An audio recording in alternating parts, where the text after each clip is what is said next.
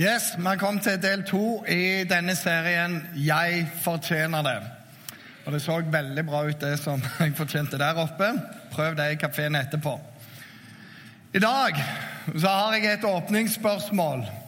Og Jeg vil gjerne ha en hånd i været på denne. her. Er det noen her som noen gang er blitt tatt i å gjøre noe galt? Du bare bøsta der. Ok, Noen av dere. For en elendig gjeng. Og, eh, og, så vet jeg at det er en gjeng i dag òg som ikke rakk opp hånda. Dere er løgnere i tillegg til å ha gjort dette her. Og dette er jo typisk touchpoint med en gjeng med folk som ikke alltid gjør alt bra. Jeg er tatt i å kjøre for fort noen ganger. Jeg fikk brev hjem fra politiet. Da var ikke kona mi så glad. Seks prikker, to prikker til, så mister du lappen. Og Hver gang de står på sida, så kjenner jeg bare sånn åh, Sjekker alt som er, og vet dette går veldig bra. Det er ikke kjekt å bli tatt på fersken i å lyge eller baksnakke folk. For min del så kan en babysitter være på, og andre kan høre det. Det er ikke veldig kjekt. Eller har du noen gang sovet på jobb eller sluntret unna, så kommer sjefen innom? Eller de som bare låner med seg litt fra jobb, og så kommer noen inn og 'Hei, ikke det litt der?' Jeg har små unger, og jeg har noen av disse her, og jeg må jo bare smile og le. Og så må jeg være far, og så vet jeg jeg var akkurat sånn sjøl. Men når ungen din har sjokolade rundt hele munnen og insisterer på at Nei, nei, nei, nei jeg har ikke tatt noen til det bare overalt. Og han midterste, Simen, han var veldig god på dette. her, og var, Han, han løy så han trodde seg sjøl. Han er eneste ungen som lyver, by the way. For vi har noen naboer som alltid sier nei, min unge lyver aldri. det er så bra. De er akkurat sånn som dere. Anyway, Så vi måtte da uh, legge om taktikken, for vi fikk alltid nei til svar. Så, så, vi gjemte godteriet på det øverste hylla, og så spør jeg bare Simen Simen, hvordan klarte du å få tak i det godteriet? Det var jo helt da. Og det var enkelt, pappa. Jeg bare satte en krakk der, og så gikk jeg opp på der, og så sa Busted! Måtte gjøre han til helt istedenfor. Og han bare sånn Å, nei! En historie. Summen er ikke helt riktig, men han er ikke helt feil heller. En ung sjef fra et multinasjonalt selskap, god for milliarder, han fikk ansvar for et prosjekt verdt over 80 millioner kroner. Antageligvis var det mer. Og han hadde hele ansvaret. Prosjektet går galt, og selskapet mister alle pengene. Vi snakker om mye penger. Og selv om det var et meget, meget sterkt selskap, så svei 80 millioner både på ryktet og på kapitalen. Han ble kalt inn til sine overordna og sa i morgen skal du komme inn til oss. Og Det var det verste døgnet i hans liv. Han visste i grunnen hva som ville skje. Han visste han ville få sparken. Han skulle forklare seg og avlegge rapport foran mange over han. Han visste antageligvis er mine karrieremuligheter ødelagt òg, for jeg er han som ødela hele prosjektet. Fordømmelsen lå tjukt utpå han. I dag skal vi være i en av mine favoritthistorier i Bibelen. Den står i Johannes kapittel 8. Og det handler om ei dame som er tatt på fersken i seksuell synd. Hun fortjente fordømmelse. Men som vi skal se, Jesus gir henne nåde. Det står dette fra begynnelsen av. Tidlig neste morgen kom Jesus til tempelet igjen. Hele folkemengden samla seg om han, og han satte seg ned og begynte å undervise dem. Da kom de skriftlærde og fariserende med en kvinne som var grepet i hor. Og her har du situasjonen. Jesus sitter med ei Connect-gruppe.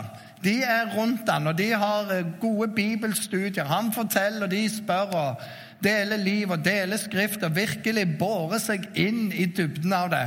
Mens han sitter der, og dette er veldig bibelsk og flott, så er det en støy uten like. Og der kommer alle de med veldig pene frakker og alle ting på hodet, som er helt riktig, med ei dame de sleper med seg. Og når hun er grepen på fersken i en seksuell handling, så betyr det normalt sett at hun har ikke så ekstremt mange klær på seg. De fleste har ikke det.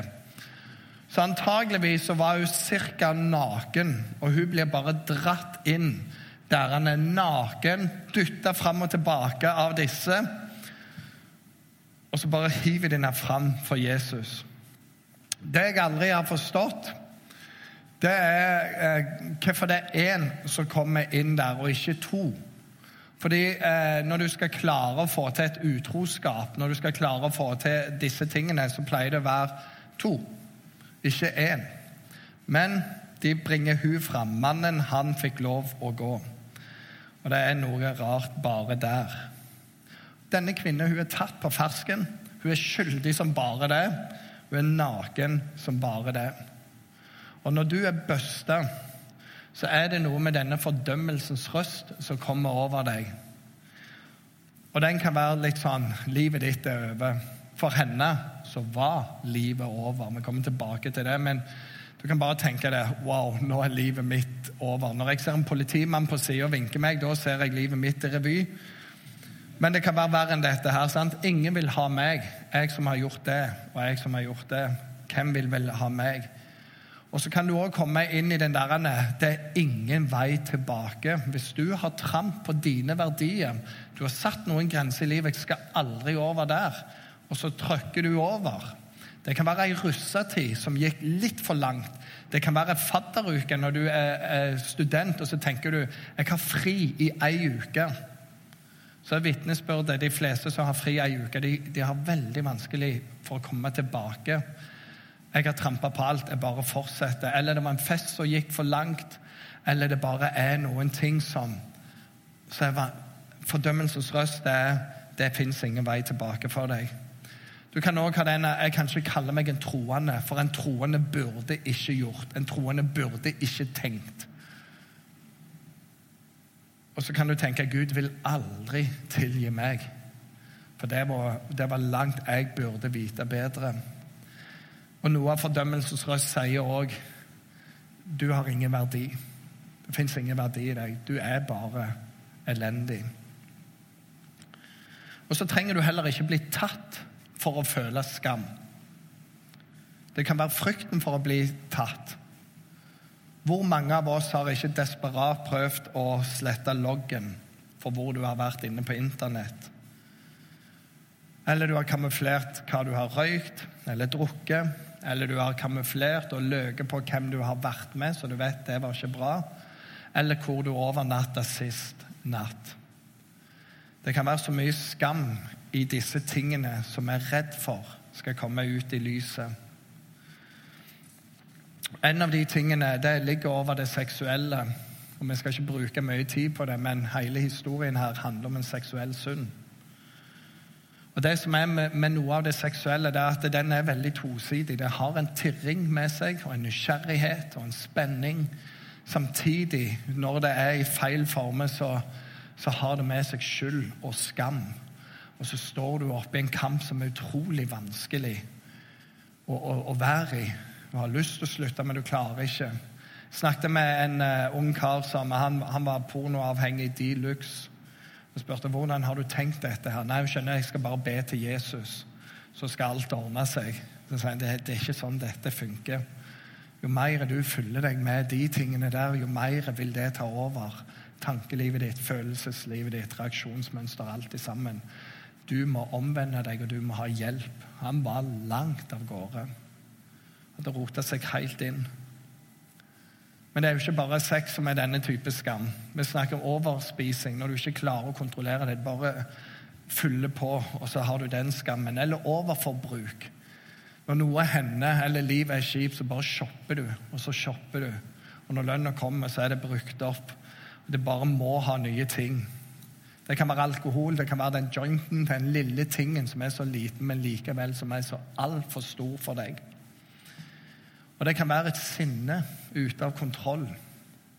Og så kan du ha jobbet med det sinnet. Jeg hadde sinne når jeg var liten. Jeg måtte begynne i barnehage selv om mor var hjemme, for jeg hadde ikke sinnekontroll. Noen har kort lunte. Jeg fant aldri lunta engang. Jeg slo folk alltid sammen. Jeg måtte lære å telle til ti. De trua meg med at jeg ikke fikk lov å begynne på skolen pga. dette sinnet. Jeg vet noe om det, jeg har sett det hjemme òg. Og så kan det gå veldig fint veldig lenge, men så skjer det noe i livet Det kan være et dødsfall for noen som du er glad i. Det kan være en ulykke, det kan være en jobb du mister. Og så bare boom, så er den bryteren på igjen. Der var sinnet, der var overspisingen, der var shoppingen. Der var alt disse her. Og så er du tilbake i den skammen her og fordømmelsen. Du trenger ikke at noen andre sier noe til deg, for du, du sier dette til deg sjøl hele tida. Og vi som bor i Norge, vi er ekstra gode på dette. Vi er velsigna med janteloven. Vi er så utrolig. Vi, vi bygger oss sjøl ned. Det er forferdelig. Og så er det andre ting, for det trenger ikke være sånn engang. Men det er sånn, jeg er jo jeg håper å si, voksen på en måte, gift. Og så kan jeg møte damer som har unger, som ikke vet hvordan de skal kle dem riktig. Sånn, hvordan uh, bukser og trøye henger sammen. De finner alltid nåde hos meg, for jeg syns alt ser like bra ut, bare de har klær på seg. Men det er ikke kjekt å være dame når de andre hvisker. Hun har ikke så bra stil hjemme. Hun aner ikke helt på tapeten. Og se ungene. Vet du hva de hadde på den grønne jakken til den buksa der? De klarer ikke å organisere klesskap, og de andre har alt på G. Kjøkkenskapet ligger alt etter det der. Bare helt vekke på det gutter som de fleste andre guttene får kontroll på økonomien etter hvert. og du, du, har bare ikke peiling på penger. Du er ikke shopaholiker, men du vet bare ikke hvordan dette her funker. Og så har du den skammen over det, en fordømmelse over at du fikser ikke det de andre fikser.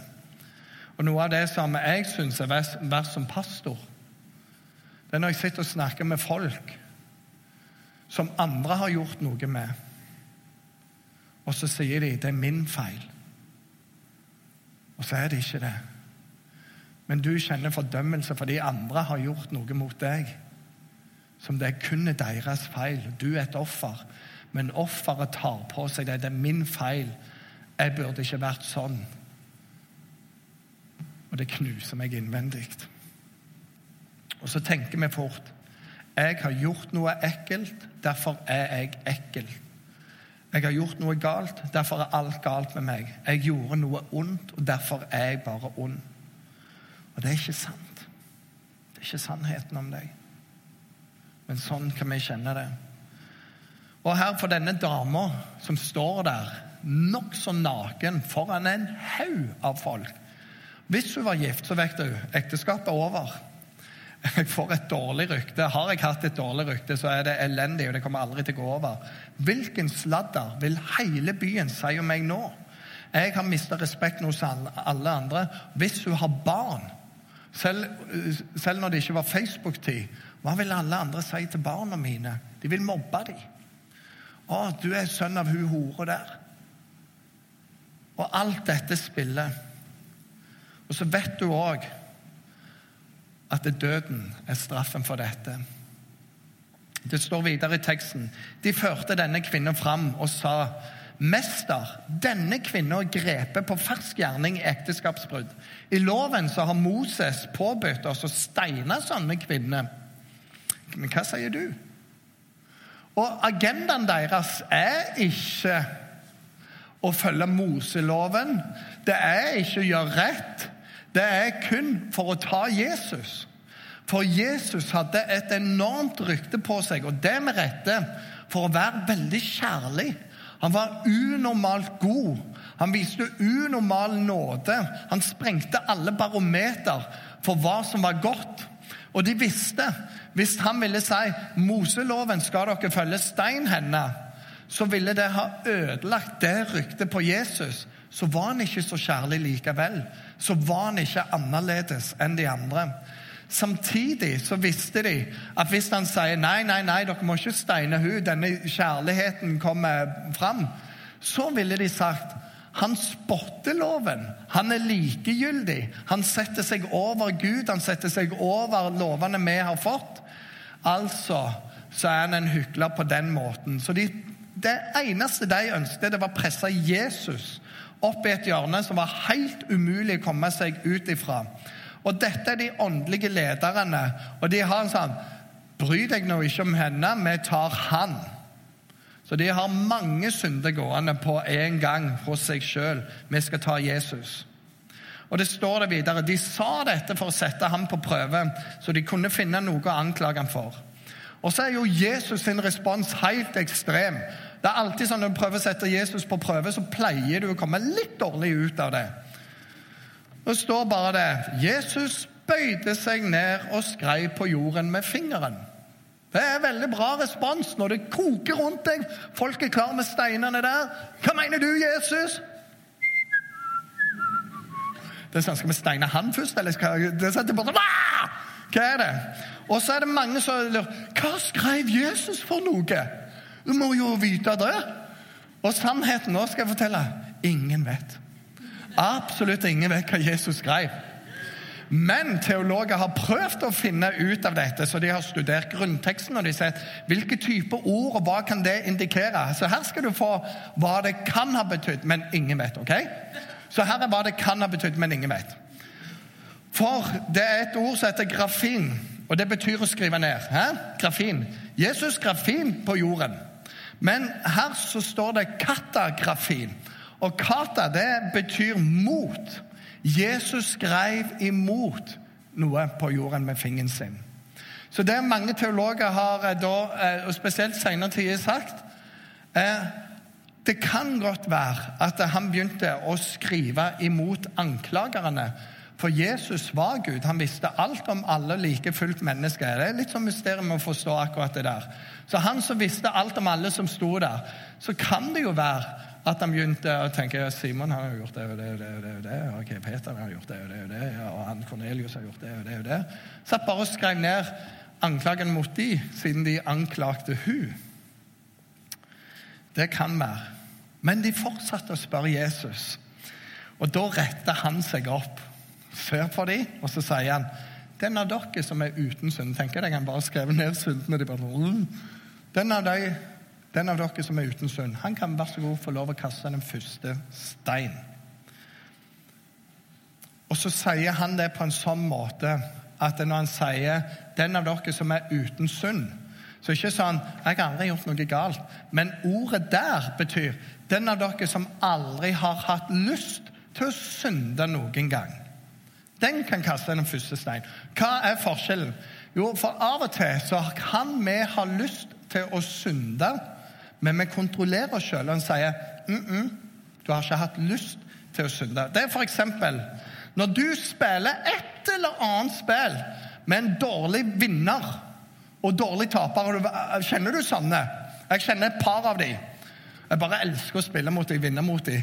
Men når de vinner De hoverer jo sånn, sant? Woo! Og da er det sånn Jeg har aldri hatt lyst til å jukse når jeg spiller mot dem. Jeg har aldri lyst til å vise fingeren. Jeg har aldri lyst til å kicke dem ut. Eller når noen skviser seg inn foran deg i køen, så tenker du 'vær velsigna'.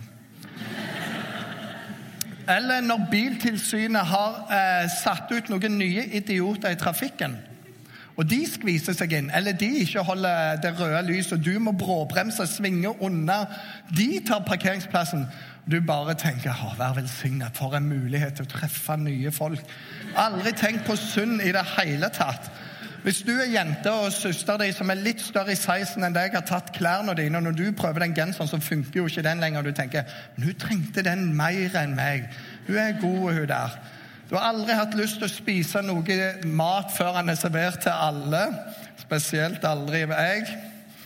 Eller du har aldri hatt lyst til å banne når noen grisetakler deg på fotballbanen. Du tenker det er sikkert mye vondt som skjer i livet. Jeg trengte å takle meg sånn. Jesus helbreder alle sår og går på. Ok, du, du henger med her. Jesus sier den som aldri har hatt lyst til å synde, den kan kaste den første stein. Og Det er jo bare typisk Jesus. Du stiller han et umulig spørsmål, så stiller han et utrolig umulig svar tilbake igjen. Så bøyer han seg ned og skriver videre. Og kanskje så skrev han mer av det kartografien der. Hæ? Og du har gjort det, og du har gjort det. Så står det Da de hørte dette, så gikk de bort, én etter én.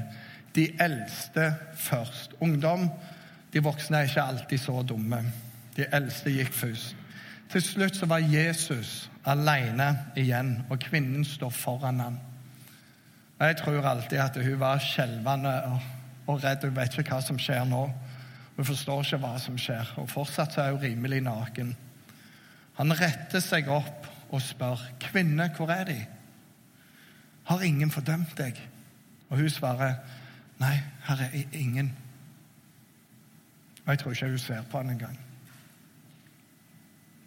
Hun fortjente fordømmelse, men Jesus ga henne nåde. Og sånn er han alltid, og sånn er han imot alle. Det er ingen fordømmelse for den som er Jesus Kristus, leste Helga til åpning her. Det er ingen fordømmelse. Det som står i kapittelet før, det er alt det gode jeg vil gjøre, det ender jeg opp med å ikke gjøre. Alt det der elendige jeg ikke vil gjøre, det ender jeg opp med å gjøre. Meg ulykkelige menneske. Hvem kan fri meg ut ifra dette? her? For jeg blir dratt imellom det. Jeg har lyst til å tjene Gud, men øh, jeg tjener synden. Hvem kan fri meg ifra dette her? Så sier han det er ingen fordømmelse for den som er Jesus Kristus. Det er ingen fordømmelse for den som har tatt imot. Og vi kan tenke ja, men jeg klarer aldri å slutte med dette. Det kommer alltid til å være sånn med meg. Jeg har prøvd så mange ganger. Og det er ingen som vil elske meg. Hvem vil elske en sånn som meg? Det er bare sånn jeg er. Så har jeg lyst til å si til deg Du er ikke det du gjorde. Du er ikke det andre sier du er. Og du er ikke hva andre gjorde mot deg. Jesus sa ikke til hun her du er tilgitt, og jeg forstår det bare er sånn. Ok? Gjør ditt beste. Gud elsker deg ikke heller fordi han trenger deg. å elske. Jeg er så desperat. Jeg bare lager noen sånn at de kan elske meg. Gud elsker deg bare fordi han elsker deg. Jeg er far til tre unger, og jeg elsker dem. Jeg kan si De kan tyne alt ut av meg og kan tryne av og til det er bare sånn Å, er det mulig? Men det har noe med pastoren for Justnes misjonskirke å gjøre, dette. Og den nye ungdomspastoren. De er ikke gode nok i oppdragelsen, så vi får mye på hjemmebane. Bare tuller, for det er en kamerat som har det. Og jeg kan tenke på Å, for noen unger!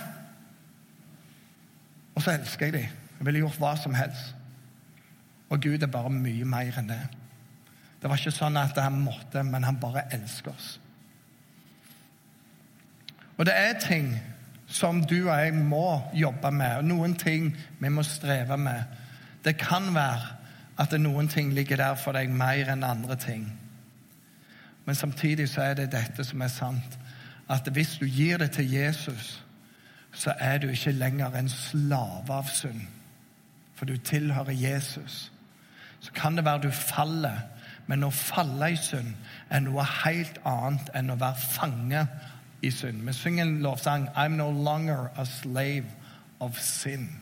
Han tok det bort ifra deg. Du er ikke under fordømmelsen, du er under nåden. Og den nåden er ny hver eneste dag. Og så ser vi òg her at ett sekund med Jesus, det kan forandre alt. Ett sekund. Hun står der, og så sier jeg, vet du hva? Ingen fordømte meg. Da sier Jesus, heller ikke jeg fordømmer deg. Gå bort og synd ikke meg fra nå av. Det er et sekund. Boom! Og hele livet hennes er endra. Og han sier det. Gå nå.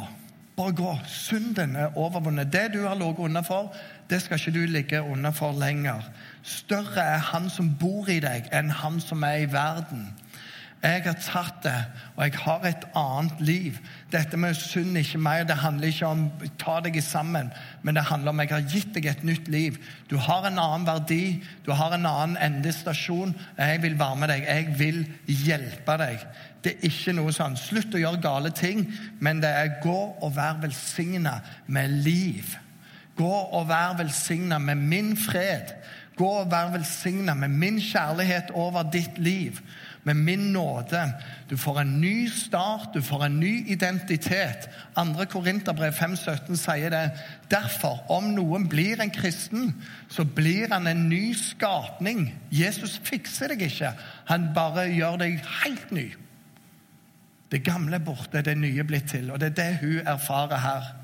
Og så står det i neste vers. Igjen så taler Jesus til folket, og så sier han Jeg er verdens lys.